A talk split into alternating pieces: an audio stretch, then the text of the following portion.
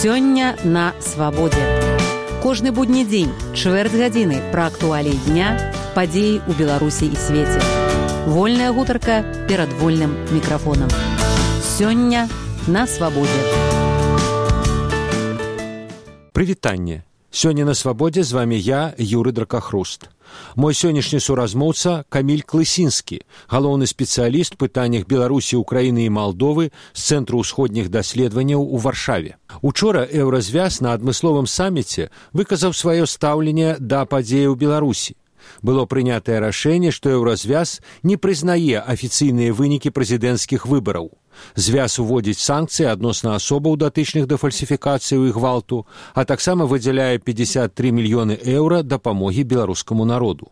Некаторыя і ў беларусі і за яе межамі крытыкуюць гэтыя рашэнні за кволасць і бяззубасць камиль ці згодны вы с этой крытыкай ну если мы слышим такого рода критику я бы хотел задать вопрос а что еще мог сделать на данный момент евросоюз если предложение, например, посредничества, диалога с участием европейских институтов или отдельных столиц евросоюзных стран откидывается, отбрасывается Лукашенко, если он не допускает э, на, такого варианта, называя это вмешательством, э, ингеренцией извне, если даже не желает поговорить по телефону с Ангелой Меркель, канцлером э, Германии, которая является одним из главных лидеров в Евросоюзе, тогда о чем мы можем еще говорить? Э, единственная возможная реакция э, пока может быть такой, э, какой мы видели вчера на заседании в Евросоюзе. Э, значит, с одной стороны, отрицательные действия против э, э, особенно Э, вовлеченных э, в эти все репрессии представителей режима. Э, я так подозреваю, что, скорее всего, это будет силовой блок, прежде всего, но здесь, наверное, все уточняется. И, с другой стороны, положительные меры, значит, полная открытость на общество, белорусское общество, помощь для пострадавших, для жертв, для жертв репрессий. Единственное, что Евросоюз мог сделать на данный момент, по моему мнению. А ці магчымы быў варыянт прызнання Святланы Тихановской кіраўніцай Беларуси? Думаю, что пока это невозможно. При всякой симпатии которая не исключена к Светлане Тихановской, Евросоюз должен опираться на какие-нибудь процедуры, даже процедуры, э, и прежде всего процедуры белорусские. Я напомню, что даже Координационный совет по мирному э, транзиту власти, передаче власти, он тоже еще не имеет э, точных твердых доказательств э, электоральной победы Светланы Зихановской. Э, там прежде всего выдвигается э, предложение повторного э, э, проведения выборов – поскольку повторный подсчет бюллетеней невозможен в силу их уничтожения, ну, хотя бы частичного.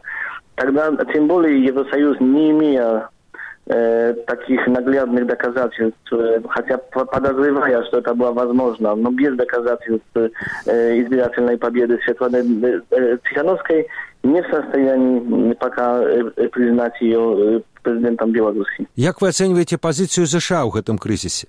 Дзярсакратар Майк Пампеа заявіў аб непрызнанні вынікаў выбараў, асудзіў гвалт. Прэзідэнт Дональд Трамп напісаў твітары, што здаецца ў Беларусі не ўсё добра з дэмакратыяй. Ён дадаў, што магчыма настане час для яго размовы на гэты кон з прэзідэнтам России. Позиция США действительно еще э, оставляет много вопросов, но я уверен в том, что США ни в коем случае не поддержат э, Александра Лукашенко и его действий. Это просто по э, э, природе э, этого государства, по природе США, по менталитету, по приверженности к демократическим принципам, это невозможно. Есть такой период выжидания, мы тоже должны понимать, что э, эти выборы, эти печальные события в Беларуси, они застали э, американскую дипломатию в очень сложном моменте, Э, как раз готовился новый посол, первый за многие годы, за 12 лет, если я не ошибаюсь. Это женщина, госпожа Джули Фишер, которая должна э, еще в этом году, даже говорят, что в августе э, приехать в Беларусь, должна была. Конечно, что она уже в августе сейчас не приедет, но я, я говорю, что были такие планы. И тоже осуществлялись поставки нефти из США, как раз вторая партия нефти, второй танкер прибыл в порт э, в Клайпеде именно 9 э, августа. Это, конечно, случайность, но надо понимать, что э, сейчас США вынуждены остановить э, процесс э, поддержки белорусских властей, что было, сделать, что было сделано совсем в другом контексте, и сейчас перенаправить свою политику в сторону осуждения репрессий и тоже э, обработки действий э, по другим направлениям, как бы Э, перенаправить свою, э, свою политику. Это мой комментарий со, со стороны. Я, я, конечно, не говорю от имени США, от имени э, американской дипломатии, просто моя оценка. Многія прыгадваюць, што падчас украінскага майдану еўрапейскія палітыкі выказвалі салідарнасць пратэстоўцамі. А адносна беларускіх пратэстаў мы гэтага не назіраем. На ваш погляд, ці было б гэта мэтазгодным? Это зависит от того, э, какую форму этой поддержки, какой формат э, ожидается. Э, если ожидается э, такая поддержка, э, э, не знаю, но то, что мы раньше обсуждали в таком, в таком формате признания Светланы Тихановской президентом Беларуси, что даже не делается еще в Беларуси среди Э, например, членов Координационного совета, тогда это еще невозможно. Но э, всякие высказывания европейских политиков и на уровне парламентов, и на уровне э, э, правительства, они, по-моему, выражают э, солидарность и сочувствие, особенно жертвам всех этих э, конечно, чрезмерных, очень жестких репрессий и действий силовых ведомств. Это наблюдается. З рассіі паступаюць супярэчлівыя сігналы. Масква ўвесь час кажа пра недапушчальнасць знешняга ўмяшальніцтва ўнутраныя справы Беларусі, гучаць абвінавачванні ў такім умяшальніцтве, як можна зразумець з боку захаду. Літаральна сёння Дмітрий Пяскоў, прэсавы сакратар Пуціна заявіў, што ўскоснае і нават прамое ўмяшанне мае месца. Ён патлумачыў, што на думку крамля уступленне рассеі або іншых дзяржаваў дыялёг з беларускай апазіцыяй, нязгоднай з вынікамі прэзідэнцкіх выбараў, будзе лічыцца ўмяшаннем ва ўнутраныя справы Беларусі. З іншага боку кіраўнік МЗС рассеі Сергей Лаўроў кажа пра тое, што выбары ў Беларусі былі неідэальнымі. З іншага боку владимир Путін вельмі хутка павіншаваў лукашэнку з перамогай. Аднак шэраг блізкіх да крамля палітыкаў владимир жириновскі константин касачоў константин затулін рэзка крытыкуюць палітыку лукашэнкі ці ёсць некая роўнадзейная ў гэтым не надта зладжаным хоры э, хор действительно немножко нестройный особенно в первые дни после выборов э, хотя э, Путин сразу же с утра в понедельник поздравил Лукашенко с победой еще до объявления официальных результатов выборов, но действительно были разные голоса, разные мнения и в СМИ государственных, негосударственных. Э, Крым тоже, тоже имел э, много проблем, возможно, с, э, с принятием какой-то четкой позиции, но в последние дни, как мне кажется, особенно вчера, я уже наблюдаю четкую линию э, Кремля, официальную линию, которая осуждает, как, так как вы сказали, всякие попытки, э, скорее всего, надуманные, а не действительные внешнего вмешательства со стороны Запада. Причем это, ну, это не впервые, к сожалению, позиция Москвы не очень честная, потому что Москва как раз вмешивается, значит, э, делает то, чего запрещает э, западным партнерам, западным странам. Э, для справедливости надо бы тоже не вмешиваться и оставить все белорусам. А мы же точно знаем, что Владимир Путин три раза переговаривал по телефону в последние дни с Александром Лукашенко, что э, побывали разные странные гости в Беларуси, согласно неофициальным информациям, которые прилетели на борту разных тоже странных самолетов, раньше не указанных в авиарейсах. И и, и тоже, возможно, оказывается поддержка и в других э, плоскостях. Тогда э, отсутствует честность, и понятно, что Россия использует момент, чтобы укрепить свое влияние в Беларуси и вернуться очень, что очень опасно для Беларуси, к переговорам по интеграции в рамках союзного государства. Ну, получается так, что Москва, как обычно, использует э, любые поводы э, для того, чтобы, чтобы подкреплять свои, свои тезисы. Э, но на данный момент этот тезис про внешнее вмешательство со стороны Запада, что на самом деле э, полностью совпадает с э, официальным э, официальной линией тоже и Минска, что это выгодно Москве, э, потому что э, привязывает Беларусь э, ближе к России. Понятно, это очень выгодно интересам России, что распадается на глазах весь конструкт диалога с Западом. То, что строил Макей и его подчиненные, это уже почти, почти или вообще уже не существует. Это очень полезно для российских интересов. На ваш погляд, где проходит червоная линия Москвы после пересечения рашэнне якой яна ўвядзе войскі так выглядае што лукашенко ў сваіх просьбах да пуціна вёў размовы пра гэта ці у тым ліку пра гэта кажется что лукашенко скорее всего играл этим чем думал об этом он тоже знает что если российские войска куда-то зайдут они очень сложно и медленно туда выходят Мы в Польше это тоже хорошо знаем. И Лукашенко понимает, что большой риск. Россия, с другой стороны, тоже знает, что это такой сценарий, он самый крайний, самый рискованный, опасный, и пока не стоит этого делать. Достаточно будет политической и дипломатической поддержки, что мы наблюдаем сейчас. Что является такой красной чертой, по-моему, явный наглядный распад государства, государственной системы, системы власти в Беларуси. Когда Россия увидит, что невозможно ни с кем договориться в оппозиции, кто бы мог гарантировать сохранение интересов России, не исключено, что ведет свои войска. Былы министр замежных справаў Швеции Карл Бильд апублікаваў артыкул з назвай армянскі варыянт для Беларусі. Ён там піша, што варта дамовіцца з Масквой аб сыходзе лукашэнкі пры ўмове, што Беларусь застанецца ў існых саюзах з рассеяй. Наколькі рэальным вам уяўляецца такі плян?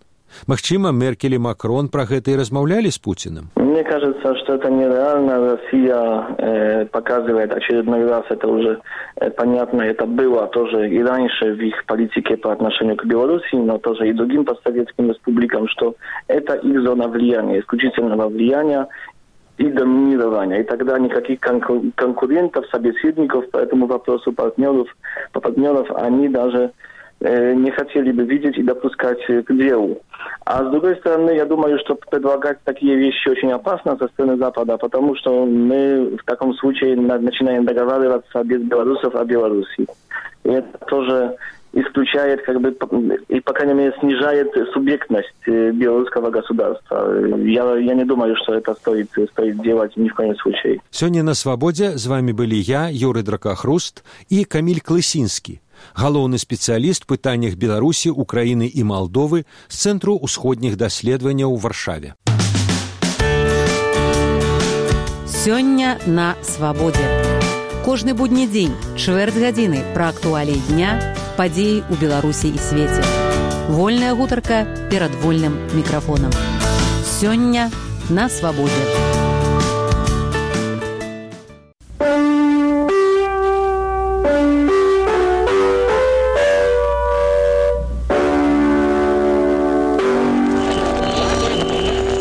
гаворыць радыё свабода пры мікрафоне зміцер бартосік мы працягваем наша падарожжа ў прасторы і часе па колішняй маладзечанскай вобласці гэтым разам мы едзем у вёску ядзейкі ў 1949 год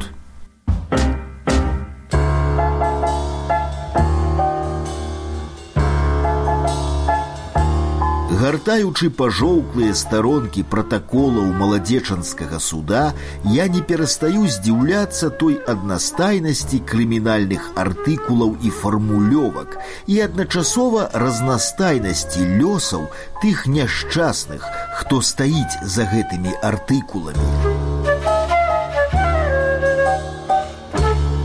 ад вёскі ядзейкі што схавалася за ляснымі пагоркамі на поўнач ад ракава засталося літаральна пара хат У гэтых ядзейках жыла, як паведамляе пратакол маладзечанскага суда, шуляк Степаніда Васильевна 1900 года нараджэння, сялян сераднякоў, непісьменная, удава, калгасніца, беларуска, але неправільная нацыянальнасць, недобры сацыяльны статус, не нават тое, што Степаніда не проста ўдава, а ўдава франтавіка, пра што маўчыць пратакол, не сталі абярэгамі ад 80 бандыцкага артыкула, па якім Степаніда атрымала 10 гадоў лягеру.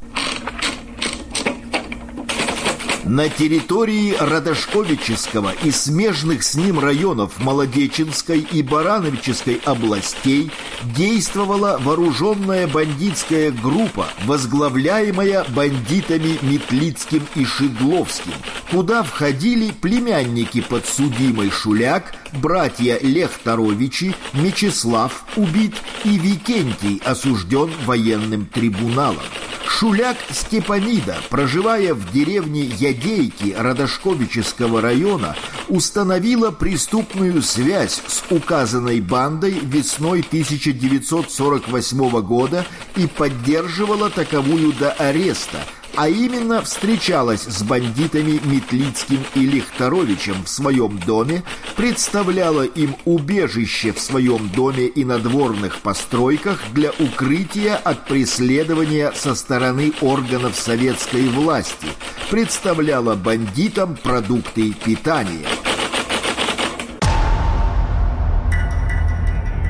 Я ішоў паўз няжылыя хаты да апошняй, адкуль даносіўся дзіцячы голас. На зялёным шырокім двары перад старым домам маладая жанчына гулялася з маленькай дачкой. На прызбе грэлася на сонцы хударлявая бабуля. У вёсцы ядзейкі Ну, ну, жыла шуляк Степаніда. ну гэта э, моя, э, кажуць, моя мужикова маці, свякруха. Ага. І гэтую шуляк Степаніду у 48 годзе арыштавалі за сувязь з нейкім метліцкім і ліхтаровічам. Гэта яе дзявоцая фамілія. Свякрові была Ліхтарович. Ліхтарович, так? Да. Это значит, Ліхтарович быў яе сваяк, Родны брат. родны брат. Родны брат. А кто таки, а что это за ме- таки Метлицкий был? Это была некая банда. Там не буду называць бамба, гэта ўсё на маіх гладах гадавалі, що там і сыны, і, і бацькі добра, але былі багатыя людзі. Тады як яны там звязаліся, ну яны неяк там не ведаю, куды пашлі ці ў партызаны, ці ў армію, і так яны і прапалі без весці. Только адзін адседзеў мятліцкі 25 год і вярнуўшыся сюды, вярнуўся Сцяпан. Степан Мятлицкий. Ну, але ён неяк вярнуўся, але тут не жыў, паехаў ці ў Германію, ці дзе ён ужо не захацеў тут жыць. Палядзеў гэтай сялібы, а ўжо ж бацькі пазміралі былі ўсе тут, а братоў там неяк пабілі. Але гэта была сям'я заможная. Заможна вот іх сад тут такі, і што і цяпер, а хату партызан спалілі. Уже это падчас акупацыі нямецкай спалілі. Ну,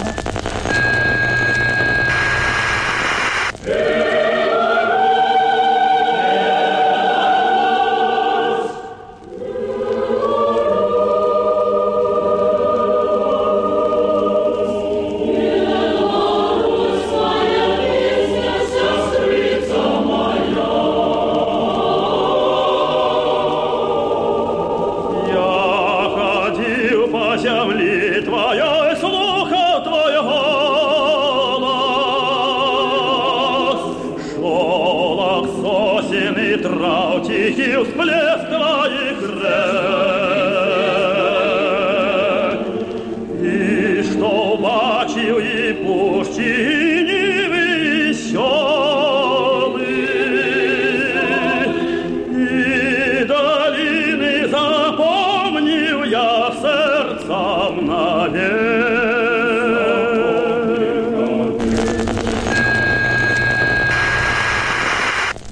які часам пастаральны бывае беларускі краявід за вакном аўто. То таполі адбіваюцца ў маляўнічай сажалцы, то мільгануць старыя прысады, тут каля дарогі на ядзейкі раскінуўся яблыневы сад. Уся гэтая пастараль з горкім смакам, бо прырода не стварае сажалак і не садзіць сады. Гэта ўсё прыкметы да канца нязнішчанай даваеннай Беларусі, а ў большасці выпадкаў гэта ўсё сляды знішчаных гаспадароў, чыіх імёнаў ужо амаль ніхто не памятае. Вось у гэтага сада гаспадарамі былі мятліцкія, і не трэба пратаколаў, каб зразумець, чаму браты мятліцкія пайшлі ў лес рукотворная прыгажосць была знаком бяды. Мятліцкіх вялікія там было мусі ці тры сіны. Это быў Сцёпка, Вічка, а Костя. Тры тут точно ведаю, сестра была. Угу. І все гэтыя браты пайшлі в партызаны.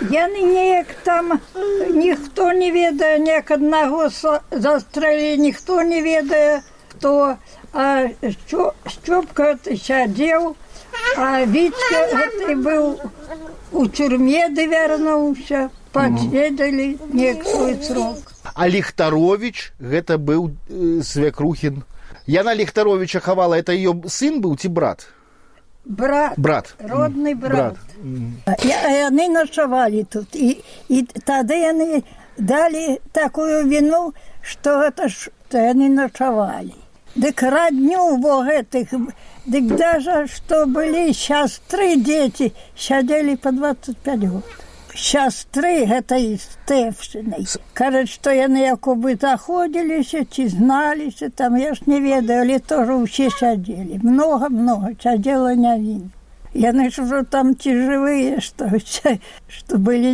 нявінныя суджаны А зараз вернемся на одну хвіліну ў 49 год год няпросты юбілейны таварышу сталіну спаўняецца 70 гадоў і на працягу ўсяго года абласная газета не дае пра гэта забыцца з нумару ў нумар.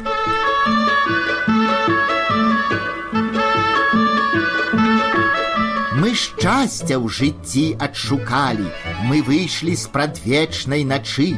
Народ наш адзначыў сам Сталін, радзіму любіць навучыў вясёлыя песні по праву рыхтуй беларускі народ твоя маладая дзяржава святкуе тридцаты свой год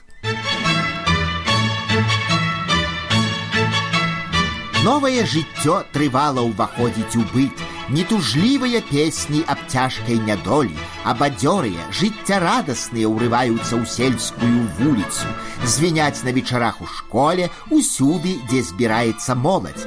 Гэтыя песні адлюстроўваюць не толькі сённяшні дзень, але і заўтрашні. У іх гучыць гонар за сваю маладую савецкую краіну, за свайго правадыра, з вялікай любоўю і натхненнем паўтарае моладзь маладога калгаса выдатныя словы песни. Сталин — это народ, что к победам идет.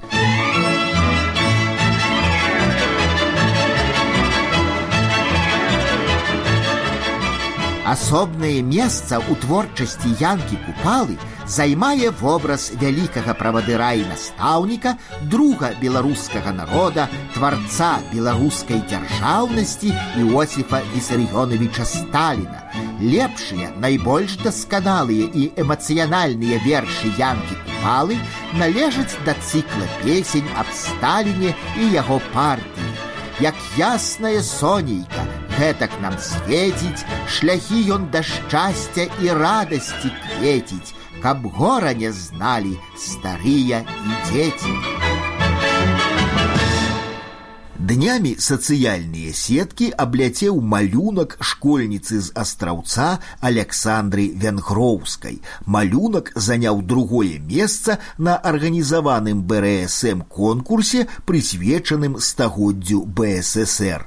На малюнку цудоўна ўсё. Чырвона-зялёны сцяг, савецкі герб і на гэтым фоне прыгожы малады таварыш Сталін. Дастойная змена вырасла ў сённяшняй советскай Беларусіі. Юныя сталінцы толькі забыліся дапісаць, што гэта партрэт стваральніка беларускай дзяржаўнасці. А вось для тых, хто пасмакаваў сталінскага рая не па карцінках, як моя суразмоўца Соф'я Шуляк, Сталін гэта абсалютнае зло. Не чыкаўся. Як хто правініўся на месцы застрэліць, а при тому, що начальник усім благий, добрий начальник не буде. Добрым начальник не будзе. Не буде, я ведаю, что мой брат 25 год бригадиром был, помер и сягоння клянул, что благий. Ну, бригадир это самая важная посада. Это той, который процедни ставить. Да у колхоза тут увез те саме. Колючок загонять не так, вирвуть, пойдуть. Помню, трактор прийде, это я вже землі ради. Бабини ж вже там, може, має не одного тільки під трактор клалися. Тракторист вилізе, витягне з-під трактора і поїде далі ярати. Ой, ой.